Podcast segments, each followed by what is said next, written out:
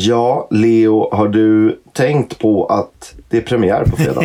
det tror, du, tror du att jag kan ha tänkt på det eller inte? Det har faktiskt inte undgått mig. Det, det, det, ibland är det ju bra med att ha en fru som jobbar kvällar. För det betyder ju att min fredagskväll, även om jag måste sköta läggningen av barnen själv, men fredagskvällen är ju sen vigd åt vi får väl ändå säga Sheffield Wednesdays premiär i återkomsten till The Championship. Wednesday mot Southampton. Det är klart jag har tänkt på det.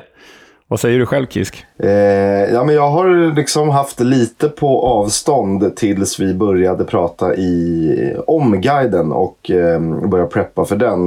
Eh, men nu är det lite puls på allvar. Det ska bli väldigt roligt. Särskilt eftersom Sheffield Wednesday då blev poddens lag i och med vår resa till eh, just Sheffield i februari, mars kanske det var.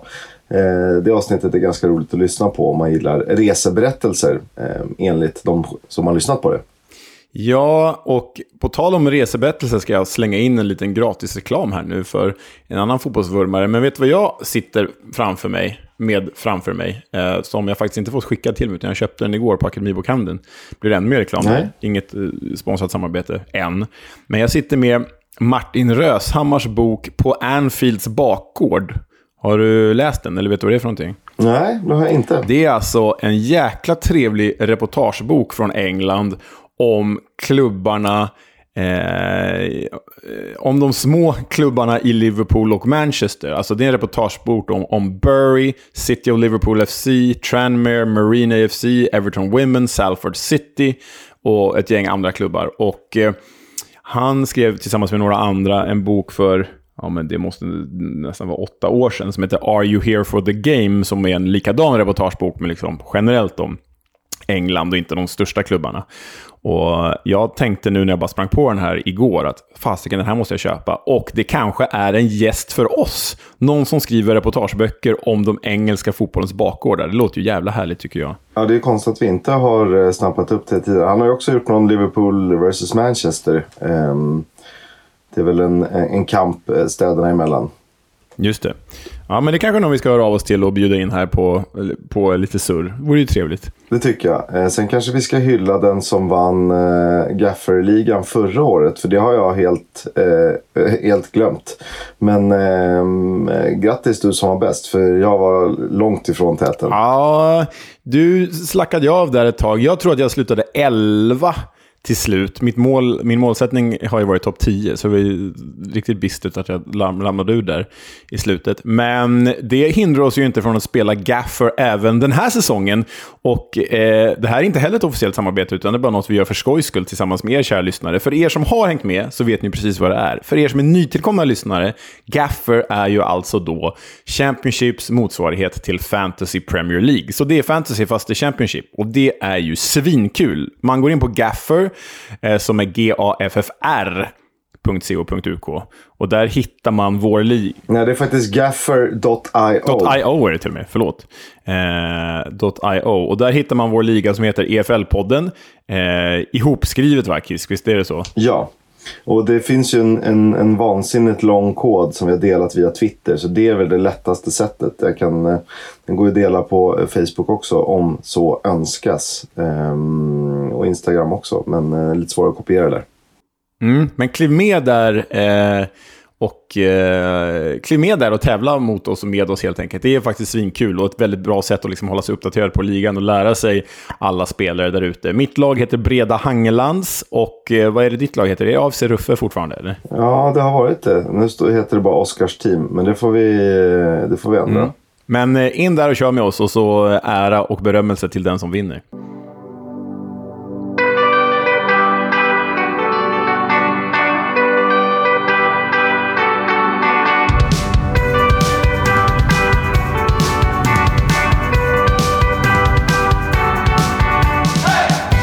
Lyssnar på Football's Coming Home, en podcast om Championship League 1 och League 2. Eh, vi fokuserar ju främst på Championship och den stundande premiären och vi som pratar heter Oskar Kisk och Leonard Jägerskiöld Welander, poddens Johnson Clark Harris. Absolut, som eh, av någon outgrundlig anledning fortsätter att spela eh, League 1-fotboll. han är ju faktiskt för, han är ju för bra för det. Han, eh, han borde kliva upp en nivå, men eh, helst utan Peterborough, för det är väl kanske inte världens roligaste klubb. Nej, eh, jag tycker synd om honom. Han, ska, han förtjänar bättre. Han, gör ju, han producerar ju poäng varje säsong, var han än spelar. Ja, han kanske, vill, han kanske vill stanna kvar. Han kanske trivs där. Du vet, stor fisk i liten damm och allt det där. Eh, vi ska kort dra igenom de eh, aktuella träningsmatcher som har spelats och som är värda att summera. Och det blir ju, i, inför allsvenskan brukar det pratas lite om eh, om resultatet är bra, då är det sjukt viktigt att vinna eh, försäsongsmatchen. Men om resultatet är dåligt, då är det mer viktigt hur spelet såg ut. Och så försöker man glömma bort resultatet. Och det kan ju vara en fingervisning. Det behöver inte vara någonting alls, för eh, det ska ju kopplas på eh, det stora maskineriet senare. Att döma av resultaten utan att ha sett dem så känns Watford väldigt beigea. Eh, det gör även QPR som vi tippade i botten i vår guide. De föll med 0-5 mot Oxford senast och eh, vi säger lycka till. alltså 0-5 mot League One-laget Oxford. Och jag såg att eh, QPRs nya första keeper Asmir Begovic twittrade efter matchen. Han är ju väldigt frispråkig figur. Han twittrade “We have a lot, to, we have a lot of work to do”. no shit. Fy fan. Det ser mörkt ut för QPR. Um, ehm, man kan ju nämna att Leicester, som ändå väl på pappret är det bästa lag som någonsin har ramlat ur Premier League, uh, de tog sig an Liverpool och förlorade med 4-0. Uh, ehm, desto bättre gick det för Coventry som långsamt slipar formen. Ja, eh, West Brom känns väldigt West Bromskt när de eh, möter Bolton och förlorar med 4-3. Eh, det är väl mycket möjligt att det kommer se ut så på The Hawthorns. Eller kanske inte på The Hawthorns, men på andra arenor när Baggis spelar den här säsongen. Ja, eh, det känns som att liksom, det går inte bra för något lag här på försäsongen. För vårt kära Sheffield Wednesday, som ju är i, eh, under oerhört turbulens och kaos och konstig ägarstruktur och värvar nästan inga spelare. De har blott ett kryss på de fem senaste träningsmatcherna och bara gjort ett mål. Eh, så är, man kanske inte ska ha någon Sheffield Wednesday-spelare med i sin Gaffer 11 inledningsvis i alla fall. Inte ens Barry Bannon. Inte ens Barry Barry Bannon. Det, det låter ju eh, rimligt. Eh, Southampton mötte bland annat sydkustrivalerna eh, kraftigt med konkurrenterna och AZ Al från Alkmaar eh, föll i båda de matcherna. Blackburn Rovers som vi har skrivit ner och sagt att de kommer få en ganska bedrövlig säsong. Vi har inte sagt det än det här avsnittet, men vi har ju faktiskt, trots att det här är liksom säsongens första avsnitt, så har vi ju redan gjort en guide som vi släppte förra veckan. En guide inför säsongen, lång, matig, typ en timme och 45 minuters lång guide där vi går igenom alla förutsättningar för respektive lag och klubb eh, och har liksom ett tabelltips utifrån det. Um, där i det, och det är väldigt eh, rekommenderad lyssning, för det är typ det roligaste avsnittet att göra. Men där säger vi att Blackburn kommer att ha en ganska jobbig säsong. De kom ju sjua förra året, nu tippar vi dem typ 17 eller något sånt där om jag minns rätt. Men tittar man på, försäsongen så går det desto bättre för dem. De har ju haft fler positiva resultat, men senast förlorade de mot eh, spanska Girona. Men Girona är ju också en klubb för typ den övre halvan av La Liga. Eh, det, det ska ju definitivt eh, föras till protokollet. Bristol City har ju gått som tåget. Kul får man ändå säga. Eh, de har ju mött eh, mestadels League 1 och League 2-motstånd. Så ehm, Eh, ni får skapa er egen uppfattning. Sen har vi då Preston North End som eh, du skriver upp rejält i den här guiden och Middlesbrough som vi tippar tvåa i vår gemensamma tabell. De har haft en eh, varsin speciell försäsong. Preston förlorar och vinner eh, efter varandra. Liksom, svårt att hitta någon stringens i resultaten. Middlesbrough bara kryssar helt enkelt. De, de kryssar sig fram genom försäsongen.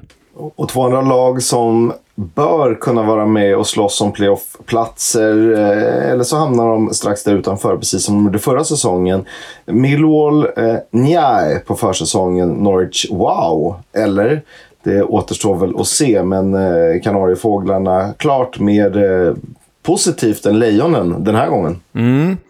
Och eh, Tittar man på The Terriers från Huddersfield och Neil Warnocks gäng så är det så att de fortsätter att imponera. De imponerade under slutspurten i våras när de höll sig kvar och nu verkar Neil Warnock ha fått in, eh, implementerat sin taktik ännu mer för de gör en riktigt bra försäsong. Kanske den bästa av alla lag hittills. Eh, kanske det. Eh, Hall har spelat 1-1 i fyra av de fem senaste träningsmatcherna. Och, och det är vad det är. Eh, Ja. Ja, eh, Victor Johanssons Rotherham, de slipar långsamt formen här, medan Birmingham och Swansea känns väldigt intetsägande på säsongen. Svårt att liksom hitta någon stringens där. Men eh, gällande Swansea så är det ett ganska ofärdigt lagbygge än. Michael Duff väntar ju fortfarande på förstärkningar och ersättare till spelare som har försvunnit. Birmingham är dock ett väldigt färdigt lagbygge. Det var ju en trupp som byggdes klart redan i juni kändes det som. Det är ju väldigt roligt att Championship börjar eh, tidigt i augusti. Förra säsongen var det till och med sent i, i, juli. Men det blir ju väldigt hattigt när ett lag, när ett liksom Premier League-bottenlag på pappret, Leicester, som åker ur, kan bli helt isärplockat. Och det är att han har, faktiskt har börjat bli det. Mm. Eh, och eh, man skulle kunna bli det i slutet av augusti utan att egentligen riktigt hinna ersätta. Sen nu för tiden har ju bra sportchefer koll på eh, vilka som går ut och eh, vilka som eh, kliver in. Men ändå, det, det, det, kan ju se helt annorlunda ut i en startelva om tre veckor. Ja, nej men exakt. Och det, och det, är ju, det kommer ju påverka hela näringskedjan egentligen. För jag menar, om Leicester och Leeds plockas isär, vilket de gör, eller Southampton, så kommer de ju leta annanstans efter ersättare. Och ibland tittar de ju då neråt i systemet. Till exempel en, en sen flyktad anfallare för Leeds kan ju innebära att de plockar Joel Pirou från Swansea. Och vad ska, vad ska Swansea hitta på då? Så äh, det där går ju, det tricklar ju neråt hela den där. Ja, vi, jag vet att vi pratade om det på jobbet någon gång. Eh, hela transferkarusellen. Om man pratar om, ja men, eh, i det här fallet var det när Hammarby plockade Mohammad Jas. Han kom väl från Mjällby. Eh, han ersättes väl av Kadir Hodzic, va? Som kom från Dalkurd. Mm. Eh, rätta mig om jag har fel någon här. Eh, och sen, men vem ersätter Kadir Hodzic? Om han drar, vem ersätter? Så till slut är man ju ganska långt ner i systemet. Men det är likväl väldigt viktigt för vilken klubb det nu kan vara i division 2, typ Karlberg, att hitta en vänsterback. Men det blir jäkligt mycket svårare att hitta en duglig vänsterback. Eh, ja, vilket datum det nu kan vara, 31 januari eller liknande. En kvart kvar av övergångsfönstret i, Karlberg, ja det är lätt. Eh, eh, ja. Lelle Sandahl sitter ja, och ringer. han kämpar hårt av Lelle Sandahl. All heder till honom, Karlbergs eh, trevliga sportchef. Nu vet jag inte om det, det var bara ett exempel, men Lelle är trevlig. Eh, på tal om Leeds som du nämnde förut. De förlorade två matcher, sen vann de två matcher. Eh, jag tror väl att det kommer fortsätta att bli fler segrar än förluster för Leeds den här säsongen. Och så eh, de tre sista där och kan vi säga att Cardiff och Ipswich har inte imponerat än på försäsongen medan Sunderland har gått som tåget. Det är väl de tillsammans med Huddersfield som gjort den bästa försäsongen på pappret. Men jag vill bara säga att en försäsong, det är, den är ju ofta indikativ. Men det kan också vara som mitt kära Helsingborgs IF i början på 2000-talet. Jag tror att det var typ säsongen 2002 när Eurosport, eh, min gamla arbetsgivare, tv-sände La Manga. Ni vet, du, du kommer ihåg eh, de här ja, ja, ja, vinterturnéerna på La Manga? Och HF var, alltså Chris, du fattar inte, de var outstanding. De var med i något kuppspel där det var ett litet kuppspel. Det var liksom semifinal och final. Och då mötte de i det här kuppspelet Bayer Leverkusen i semifinal. Och då var det alltså det Bayer Leverkusen som hade spelat Champions League-final typ ett halvår tidigare. Med Karsten Ramelov etc. Ja, Karsten Ramelov och Bernd Schneider. HIF spelade lika mot dem och slog ut dem på straffar. Och i finalen mötte de Feyenoord. Och Feyenoord var ju typ Jon Dahl Tomassons Feyenoord. Alltså det var ju det Feyenoord som hade vunnit Uefa-cupen bara ett år tidigare. Spelade lika mot Feyenoord, förlorade på straffar. Men det var ju helt sjuka resultat för HIF förstås. Så jag satt ju där och bara, det blir en enkel, eh, enkel allsvensk seger eh, den här säsongen. Och så kom de typ åtta. Liksom. Eh, eh ja, och det var väl ett HF som inte var i säsong än mot två lag som förmodligen, eller ja, var mitt i säsong väl? Ja, så är det ju. Så var det. Så um, ja, eh, man ska inte ta någonting för givet när det kommer till försäsongen. Vill ni veta mer om lagen, vilka de har värvat hittills, vilka vi pekar ut som nyckelspelare, jokrar eh, lägger jag stor vikt vid. Det är väldigt roligt att, att peka ut någon tidigt som får sitt genombrott. Då lyssnar ni på vår guide, alltså det första avsnittet eh, på den här säsongen i din eh, lokala poddspelare. Eh, så har du ungefär en timme och 40 minuter njutning om du då gillar Championship. Och det är kul att ni har hört av er och hyllat och, och eh, risat och rosat. Och ni som skriver eh, ert tips är ungefär lika trovärdigt som ingenting så håller vi helt med. Vi kommer förmodligen ha ett eller två rätt. Men eh, fan, låt oss gissa. har, har någon skrivit det? Vilka dryga jävlar. Nej, det var, det var väldigt med glimten i ögat. Eh, det var en, en härlig liten kommentar vi fick på Facebook. Jag kan läsa upp den eh, lite senare. Men eh, in och lyssna på guiden.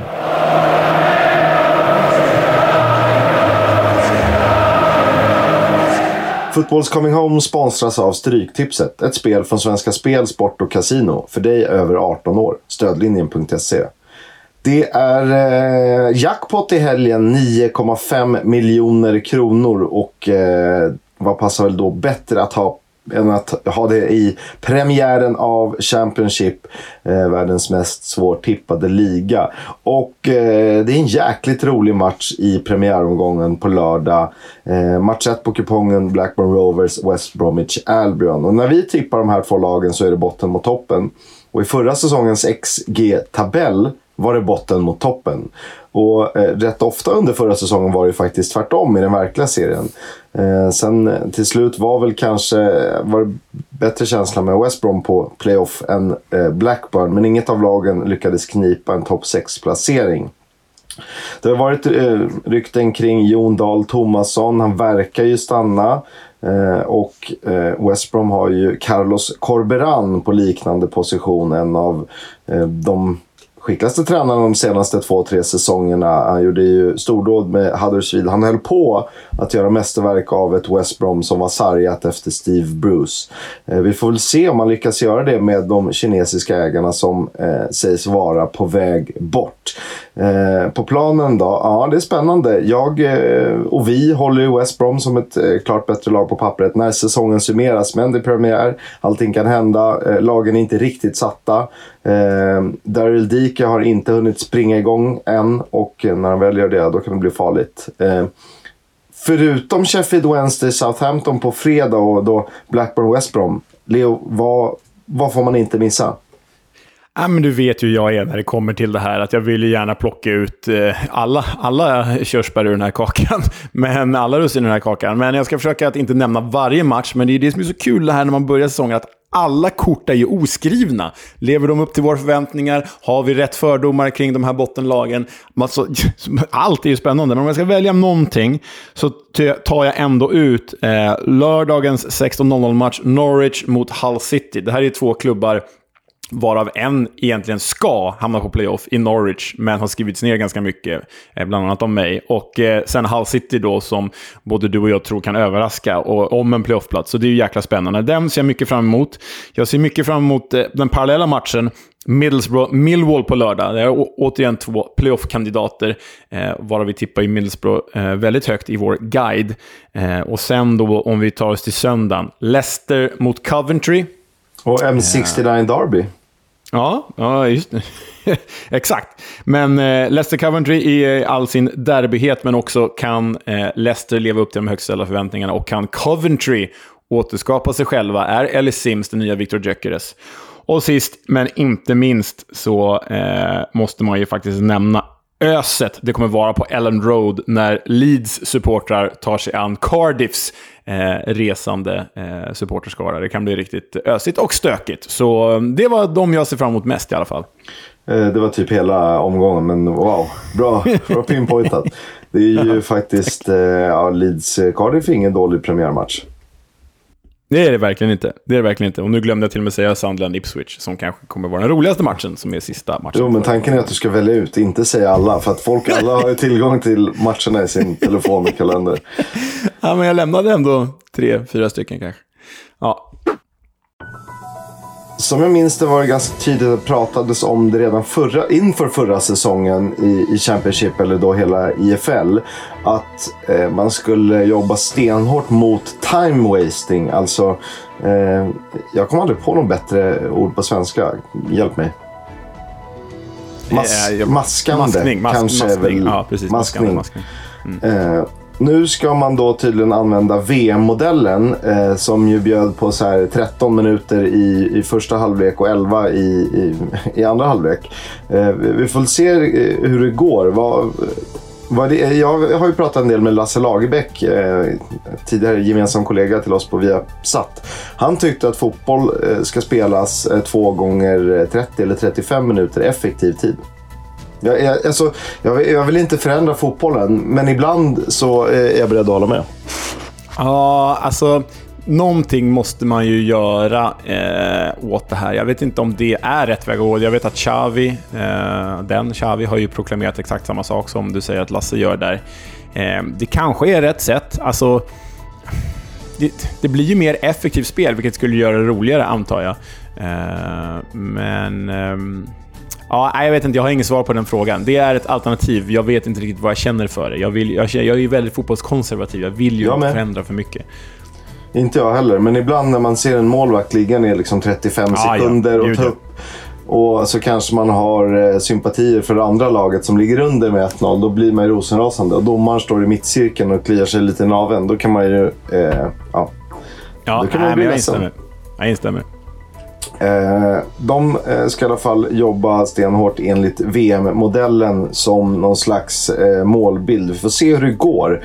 Vi, eh, det mesta snacket just nu är ju faktiskt silly season, så vi kan väl ta lite övergångar. Vi kanske ska börja med övergångarna som vi missade senast. Det är van Evik, van Ewijk eh, som går till Coventry. Bradley Dack, klar för Sunderland. Mark Travers, han skriver på för Stoke.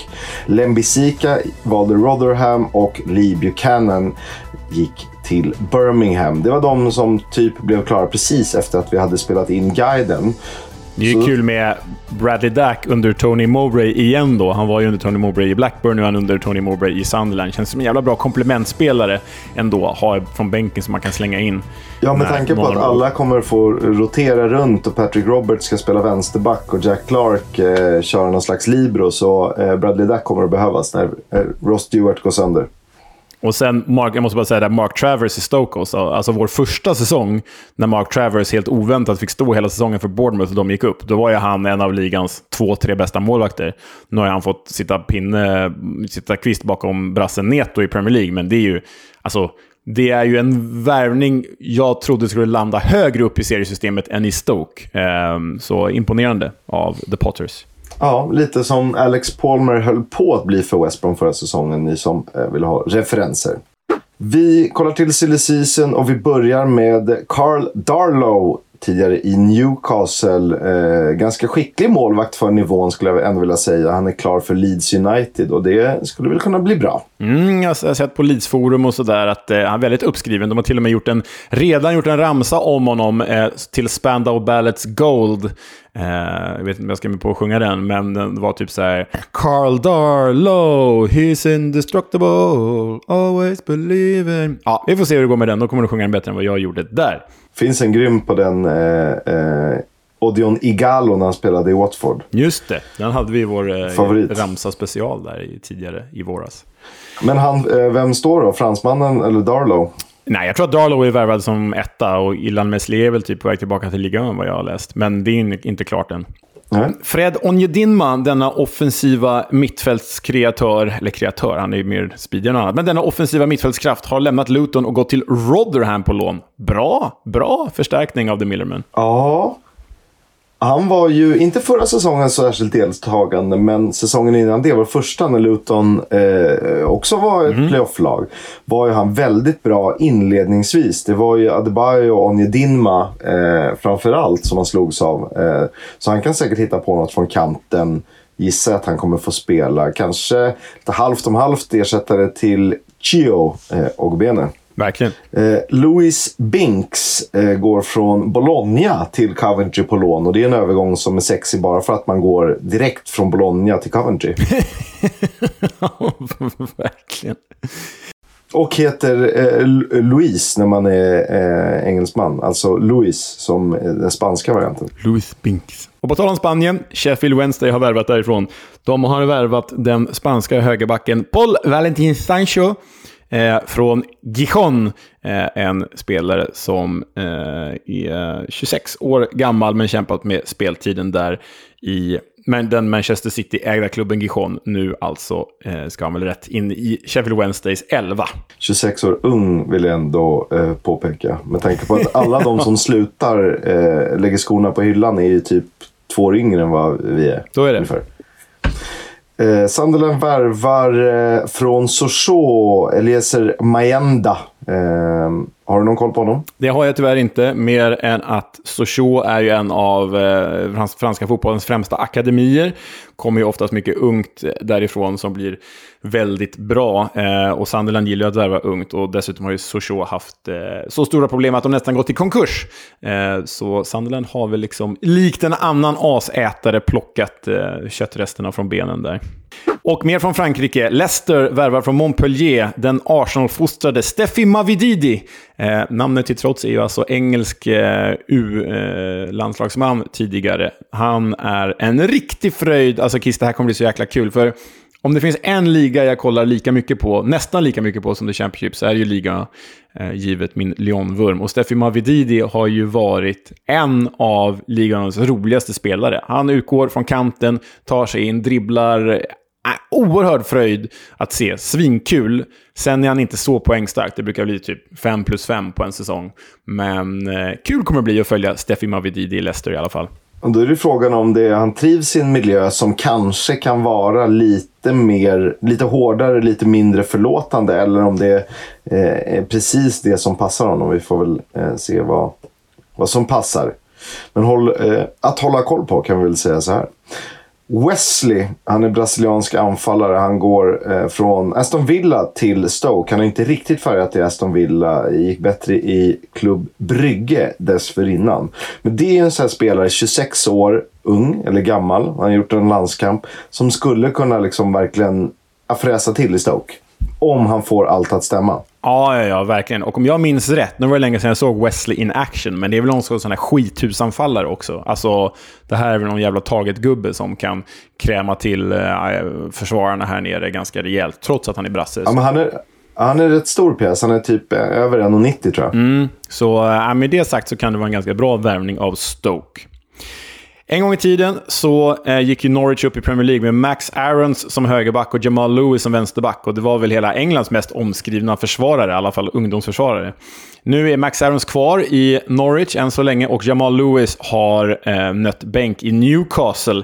Han går i alla fall från Newcastle till Watford på lån och det är ju faktiskt en spännande övergång för The Hornets. Eh, Swansea värvar den ukrainska anfallaren Mikola Kvarevic. Eh, han kommer från Troje. Han är, har varit utlånad till Hibs. Eh, gjorde fem mål på 15 matcher. Det är väl okej okay, eh, för min landsman. Jag har faktiskt ukrainskt långt tillbaka. Stort. Det um, Stort. Ja. Det är mäktigt. Ja, det är mäktigt. I ryktesväg då, eh, det här är sånt som inte är klart än, men som kan ske. Eh, James Ward-Prowse, Southamptons guldklimp och väl hela ligans bästa spelare, är just nu i förhandlingar med West Ham. Om han lämnar får man väl hoppas att Southampton kan kräma ut en halv miljard för honom eller liknande. Ja, och det är väl säkert fler klubbar i eh, mitten och botten av Premier League som är där och eh, nosar. Eh, eller har varit där åtminstone. Eh, hårda förhandlingar sägs pågå mellan Southampton och Burnley om Nathan Tella som gjorde det så fint. På lån från Southampton till Burnley var med och tog upp laget i allra högsta grad som eh, ytter, anfallare, offensiv kraft och eh, eh poängmaskin. Nu är han ju alltså tillbaka i Championship fast med Southampton och så ska han möjligtvis gå upp Eh, till Burnley Premier League. Förklara det om du kan. Jävla tur det där. Det är samma som Aaron Ramsey eller Aaron Ramsey. Vilken pratar du om egentligen? uh, ja, Sheffield Wednesday. Uh, ryktas vara nära Milan-målvakten Devis Vasquez. Och det är ju en ung sydamerikansk keeper. Eh, vet inte, han har inte provat, satt på prov i Milan, inte fått spela riktigt där. Eh, så det känns som ett väldigt oskrivet kort om han skulle lämna eh, på Hillsborough. Landa på Hillsborough. Kelechi Iheanacho, eh, nu i Leicester, tidigare i bland annat Manchester City, eh, nämns som ett alternativ för Everton. Och gud vad det känns Everton senaste säsongerna. Eh, jag tänkte precis säga vad kul, då får vi se honom i The Championship nästa säsong då.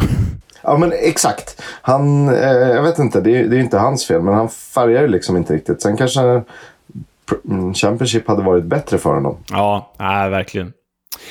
Annan anfallare som det ryktas väldigt mycket om är ju den holländska spjutspetsen Joel Pirou i Swansea. Leeds uppges vara riktigt intresserade. Såg dock nu, precis på morgonen, att Joel Pirou själv det är ju bara en rubrik då från England, men väljer att stanna i Swansea. Så där kan de ju säga ganska ofta, många gånger, och sen får de ett högre löneerbjudande. Så går de ändå, men det är det senaste kring Joel Pirou. Ja, det är väl agenterna som styr oavsett, så att eh, rubriken också.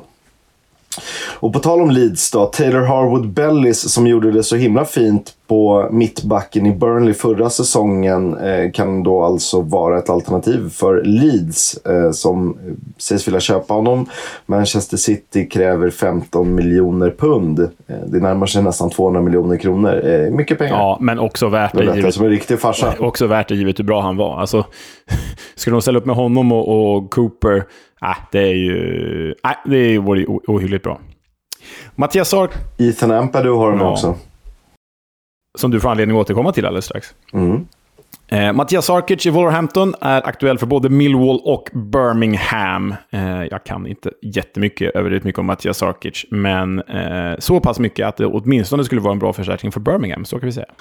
QPR eh, rapporteras vara nära att värva Jack Colback från Nottingham Forest. Eh, han tillhör väl de 200-300 som eh, spelar i Nottingham Forest. Spelar alltså. ja, vi såg honom trampa runt i Premier League där i februari. Det var ju, det var ju kul, även om hans liksom bäst före-datum är en sådär. Ja, det var, väldigt, det var väldigt många vi såg trampa runt i Nottingham Forest. Eh, Chris Wood, jag har, blivit, jag har alltid tänkt att så här, ja, men han är en duglig anfallare tills jag såg honom i Nottingham Forest. Fasen vad dålig han var.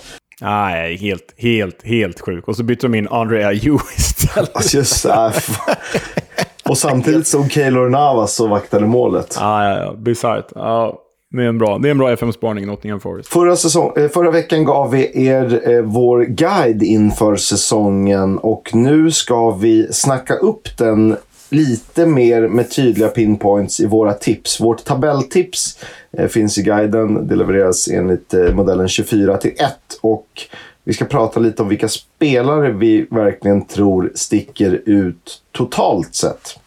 Eh, och vi börjar med den spelare vi tror gör flest mål i Championship-säsongen 2023-24. Eh, och vi har ju landat i samma namn där. Helt ovetande som varandra. Ja, nej men det, det ja, Jag vet inte hur du kom fram till det här namnet, Kiss, men jag, när jag satte mig och gick igenom klubbarna och deras anfallare så kände jag så här att de som kommer ovanifrån, Leicester, Leeds och eh, Southampton, att så här, ja, det finns ju bra alternativ, framförallt kanske i Southampton, eh, men man ska ändå ställa om till ny serie, man kanske inte ens är kvar när, när transferfönstret stängs. Och så tittar jag på de andra klubbar som eh, inte kom ner från Premier League, utan som ändå var kvar här från förra säsongen. Det är en ganska stor ruljans på många där, så jag vill ändå välja någon som var kvar i sin miljö från förra säsongen. Och då landar man i ganska få namn, men bland annat så landar man då i Sunderlands Ross Stewart. Loch Ness Drogba, som förra säsongen, om jag minns rätt, jag har inte skrivit ner, men han, gjorde väl, han spelade bara 13 matcher på grund av skador och gjorde 11 mål. Eh, med honom är jag övertygad om att Sunderland hade gått upp i, i Premier League som åtminstone playoff-vinnare. Så nej, Ross Stewart är ju alltså både din och min skyttekung. Ja, och mycket handlar ju om att han får vara skadefri. Eh, lite problem med just den delen. Det är ju en del av eh, fotbollen att man måste hålla sig frisk eh, säsongen ut. Men kan han göra det? Och jag tror inte heller att han är en sån... Eh, han är 27 år. Han är liksom inte ordinarie landslagsman. Så det finns andra spelare som kommer att plockas före. Joel Pirou till exempel. Och som du nämner, topptrions anfallare är ju... Eh, ja, Ian Nacho till exempel. De är ju eh, Premier League aktuella ett bra tag till. Och Ross Stewart kan ju bara förmodligen från omgång 1 till 46, om han då håller sig skadefri, spela för Sunderland och koncentrera sig på det. Exakt. Eh, så nej, Ross Stewart, är, det har ju varit lite rykten om andra klubbar och sådär, men givet den långa skadan han har haft så känns det eh, inte eh, troligt att han faktiskt lämnar Stadium of Light den här sommaren. Och då, då är det bara att tacka och ta emot för Jimmy Mowbray och hans manskap. Eh, jag har också valt att eh, peka ut en alternativ skyttekung om det är så att vår säsongens skyttekung eh, lämnar. Eh, det tror vi ju inte. Vem, vem har du som tvåa då? Eh, jag trodde ju länge förra året, mitt under säsongen, att jag hade Temo Pukki som skytteligavinnare förra säsongen. Eh, jag hade ju inte det. Temo Pukki var min reservvinnare. Min skytteligavinnare förra året var Joel Pirou i Swansea. Eh, han gjorde ju 19 och slutade väl då på typ tredje plats, eller fjärde plats i, eh, förra säsongen. Ehm, jag säger Joel Pirou igen, Eh, eh, som en reserv här. Första säsongen gjorde han ju alltså då 22 för Swansea. Eh, förra säsongen gjorde han 19 för Swansea, trots att han kom igång ganska sent. Och nu är han alltså kvar i Swansea, ny eh, tränare förvisso. Tror det bara kan gynna honom med Michael Duffs mer direkta spelstil. Eh, jag säger Joel Pirou igen, och skulle han lämna för Leeds, ja, då kommer han att göra ännu mer mål än vad han gör i Swansea. Så det är mitt alternativ. Vem, vem kör du som reserv då? Che Adams i Southampton. Eh, som ju inte riktigt har färgat på Premier League-nivå. Men också är, när man pratar om Wesley, det känns ju en så perfekt ålder. Han är 27 nu. Eh, äntligen borde det vara dags. Han har ju gjort 20 plus mål en säsong i Birmingham eh, 2018-2019. Så att han är ju beprövad på nivån. Eh, han har gjort en del mål i Premier League. Eh, Eh, 4, 9, 7, 5. Eh, så att jag, jag tror ändå att han kan färga för Southampton. Han, möjligt, möjligt att han är med i mitt gafferlag till och med. Oj, oj, oj. Han är dyr där. Han var en av de dyraste spelarna såg jag. Jag var inne och fingrade på honom, men insåg att det där, det där eh, kommer jag inte göra. Nej. Eh, säsongens spelare får man ju välja ut en. Du har valt ut tre. Ja, men grej, grejen är, jag har garderat mig här utifrån vem som, mm. håll, vem som stannar kvar. För jag har utgått från tre spelare som alla har ganska kraftiga rykten kring sig. Men måste jag välja en så kommer jag att säga Sian Fleming.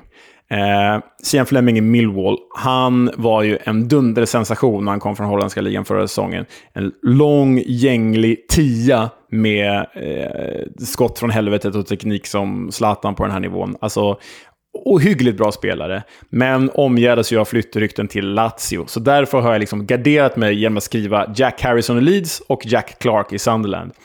Jack Clark gjorde ju liksom tvåsiffrigt målassist förra säsongen från sin kantposition eh, eh i Sunderland. Och Jack Harrison gjorde 6 plus 10 för ett nedflyttat Leeds från sin centrala mittfältsposition.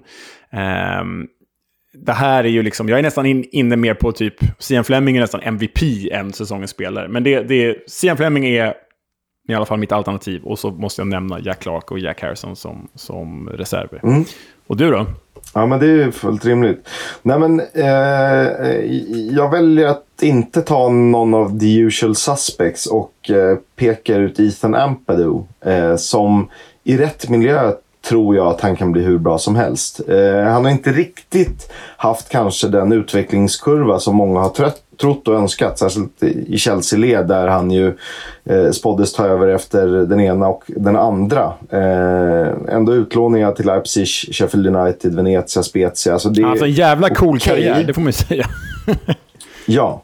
Eh, men jag tror att i rätt miljö, om han används rätt. Han funkar både som, som mittback och sittande mittfältare. Eh, då tror jag att det kan gå spikrakt uppåt. Och det får man väl hoppas att eh, det är det Leeds ehm, scouting-team också har ryckt på. Sen är det kanske inte den typ av spelare man normalt sett väljer som säsongens spelare. Utan eh, oftast någon lite mer framåt. En tia eh, brukar ju ligga bäst till. Men om Ethan Ampadu kan spela på som nummer sex då, och får att stämma i Leeds, då tror jag det kan bli Det här är din eh, Fabio Cannavaro får guldbollen alltså? Ja, exakt så. Eh, sen kommer han inte bli det, men det är roligt att säga det och hålla fast vid det. Eh, som ung spelare, på tal om utlånad från Chelsea, så uh, tror jag ju att Omari Hutchinson, det är ju också ett jävligt snyggt namn. Han är ju eh, jamaikansk eh, landslagsman, eh, dock född i England. Eh, inte helt ovanligt att det är så.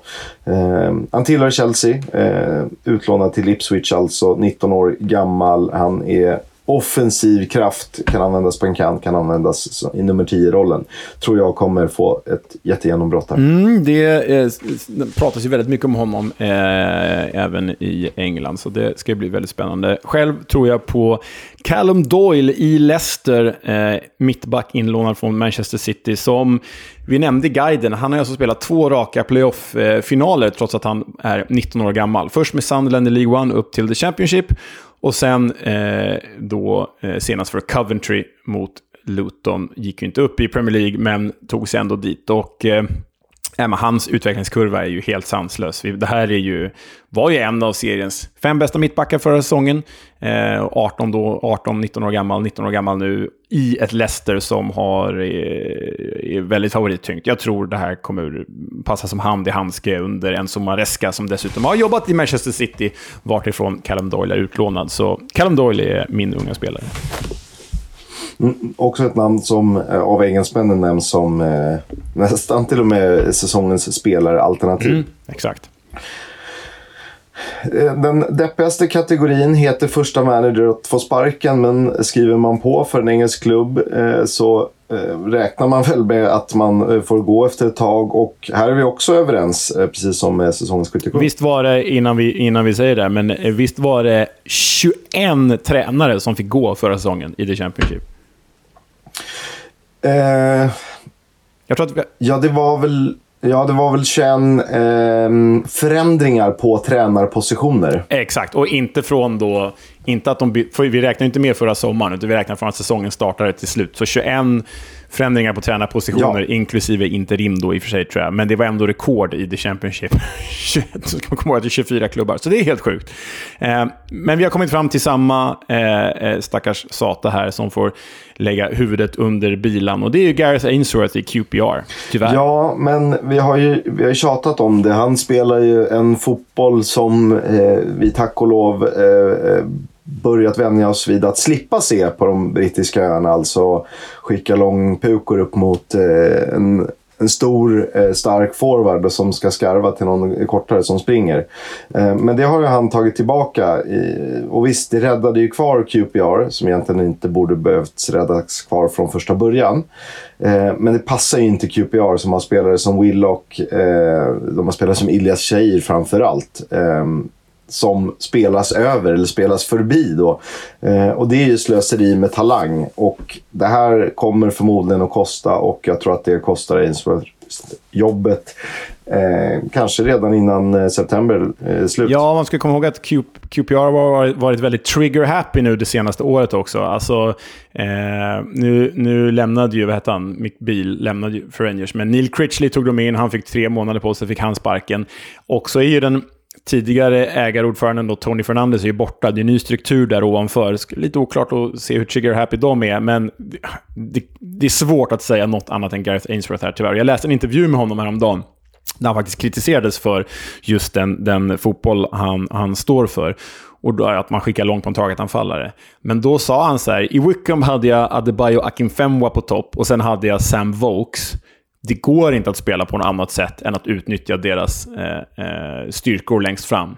Och må så vara, det gick ju bra i Wickham. Men här är det ju inte så. Borde man inte vara liksom mer flexibel som tränare och bara fortsätta med det, med det man gjort förut? Ja, eh, då får man nog vara lite mer anpassningsbar än vad han verkat vara. Eh, för visst, Lyndon Dykes är ju ganska bra för nivån.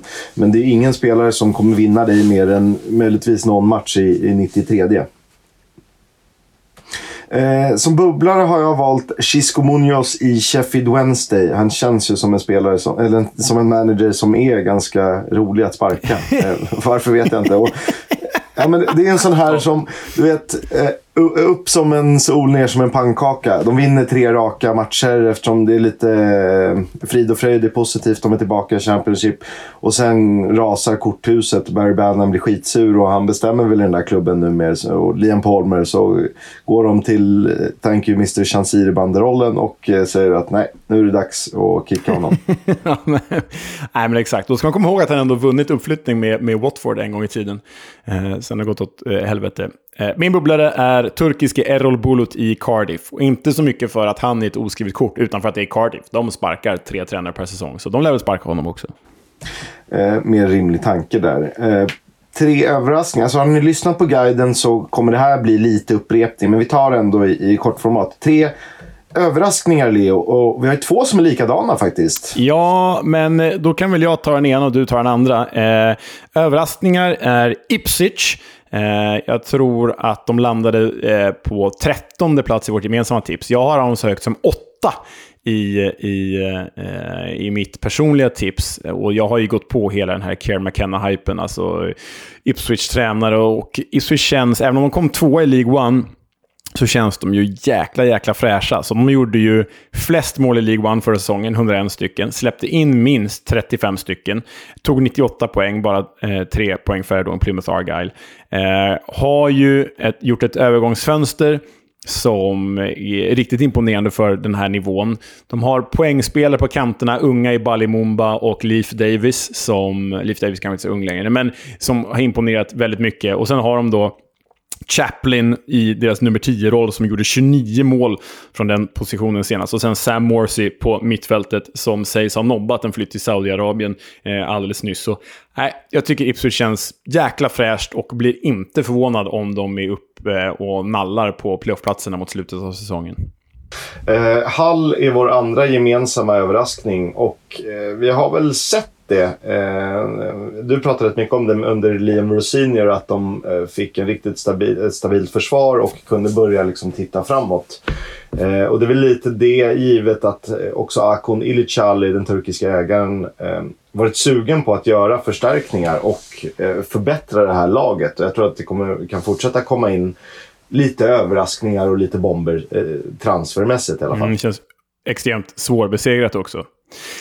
Um, en annan överraskning, min tredje överraskning då efter Ipswich och Hull, det är Birmingham. Och då menar inte jag att Birmingham kommer sexa, för det tror jag inte. Men de flesta tips sätter Birmingham någonstans liksom från plats 16 och neråt. Så även vi, jag tror att de hamnade på 17 plats i vårt gemensamma tips. Uh, och så här, som vi sa i guiden så tror vi ändå lite på Birmingham, bara det att vi tror mer på andra klubbar. Liksom att vi sätter dem på 17 plats betyder inte att de kommer vara dåliga. Men jag säger att det finns en höjd i det här Birmingham som gör att de kan överraska. De har gjort ett så extremt bra övergångsfönster utifrån sina, utifrån sina egna resurser. Eh, köpt loss Christian Bielik, eh, hittat ersättare till Tai Chong. Eh, känns jäkligt spännande, jäkligt fräsch med den här nya ägarstrukturen. Eh, enda som saknas är väl en rejäl målskytt om inte Scotty Hogan vaknar till liv helt plötsligt. Så jag, när jag säger att de överraskar så menar jag inte att de kommer sexa, men jag kanske menar att de kommer tio eller 11. Och det är rejäla överraskningar utifrån förutsättningarna. Så är det. Eh, och på tal om uteblivna målskyttar. Eh, det är egentligen det enda som skiljer Preston North End från en playoffplats just nu. För under Ryan Lowe så tycker jag att de försvarsmässigt känns stabila. De släpper inte in jättemycket mål. De har en bra burväktare i Freddie Woodman. Eh, de har en hel del väldigt bra fotbollsspelare. De har kryddat med en gammal Will Keane som gjorde det bra för eh, Wigan förra säsongen som ju var seriens sämsta lag, typ. Ehm, så det finns ju att ta av, bara de hittar någon som trycker in bollarna. Ehm, men det här är ett lag som jag tycker ska börja titta mot sjätteplatsen eh, snarare än någonting annat. Och som sakta men säkert eh, börja etablera sig där. Eh, sakta men säkert naturligtvis.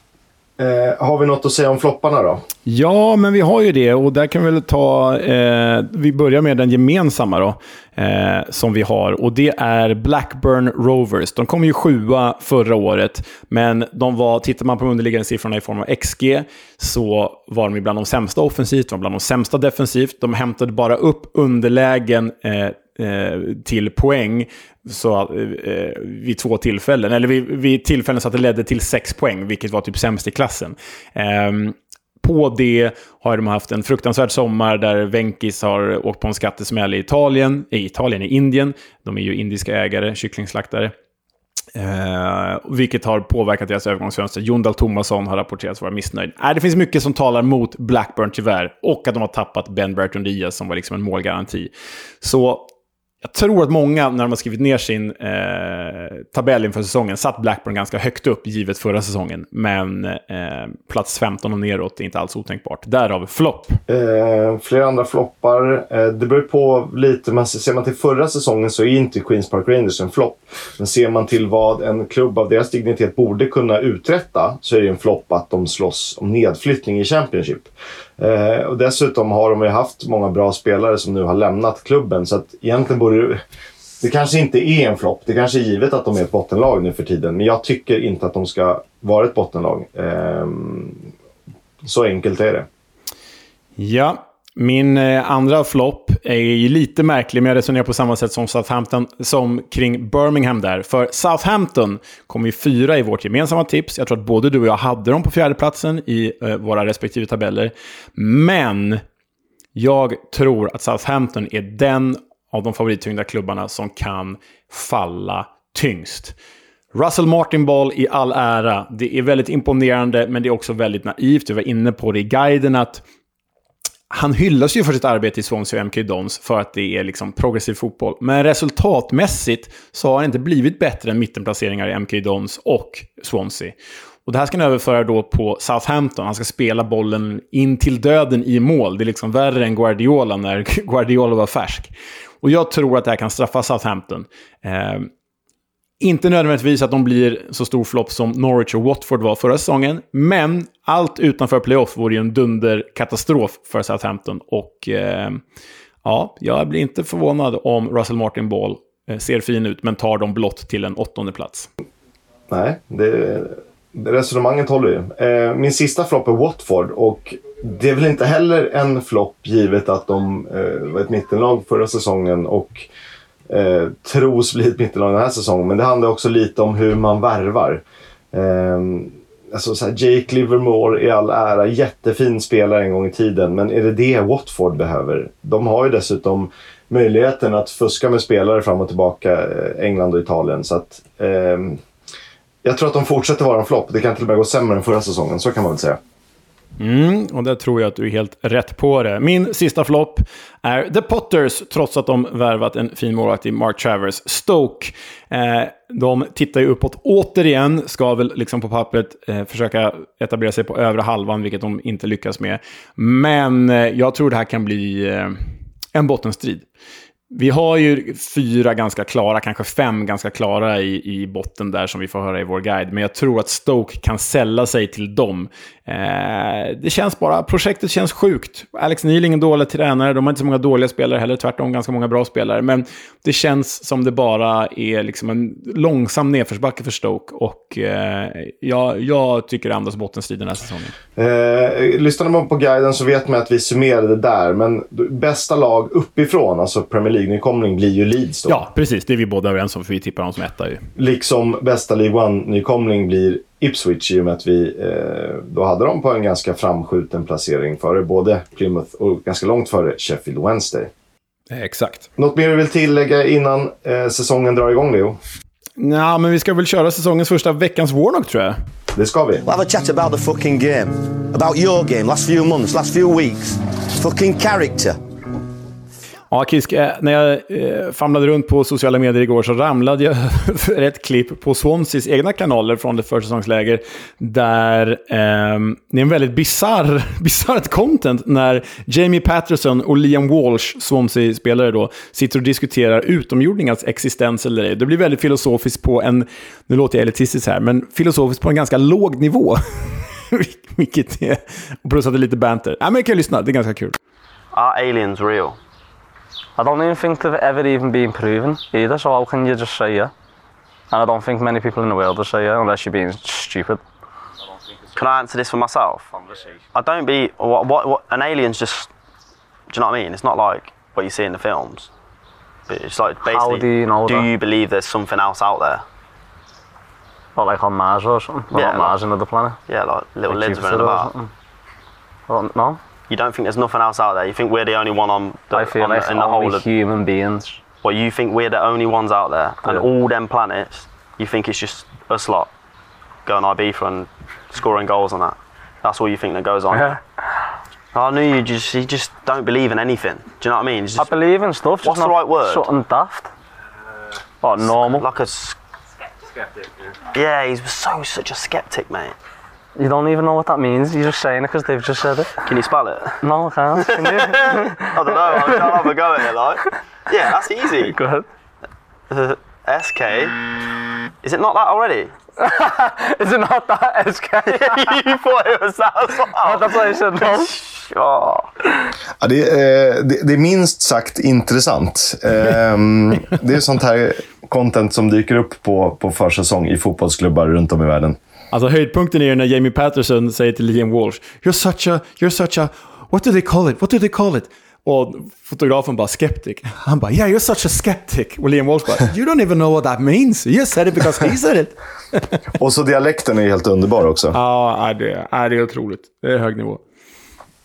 Jaha, eh, vi klockar in på strax under timmen i säsongens första avsnitt. Vi påminner om guiden igen. Vi påminner om gå med i vår gafferliga och slå oss. Det är inte särskilt jättesvårt att slå mig i fantasyspel, men eh, det kan man ha på sitt CV.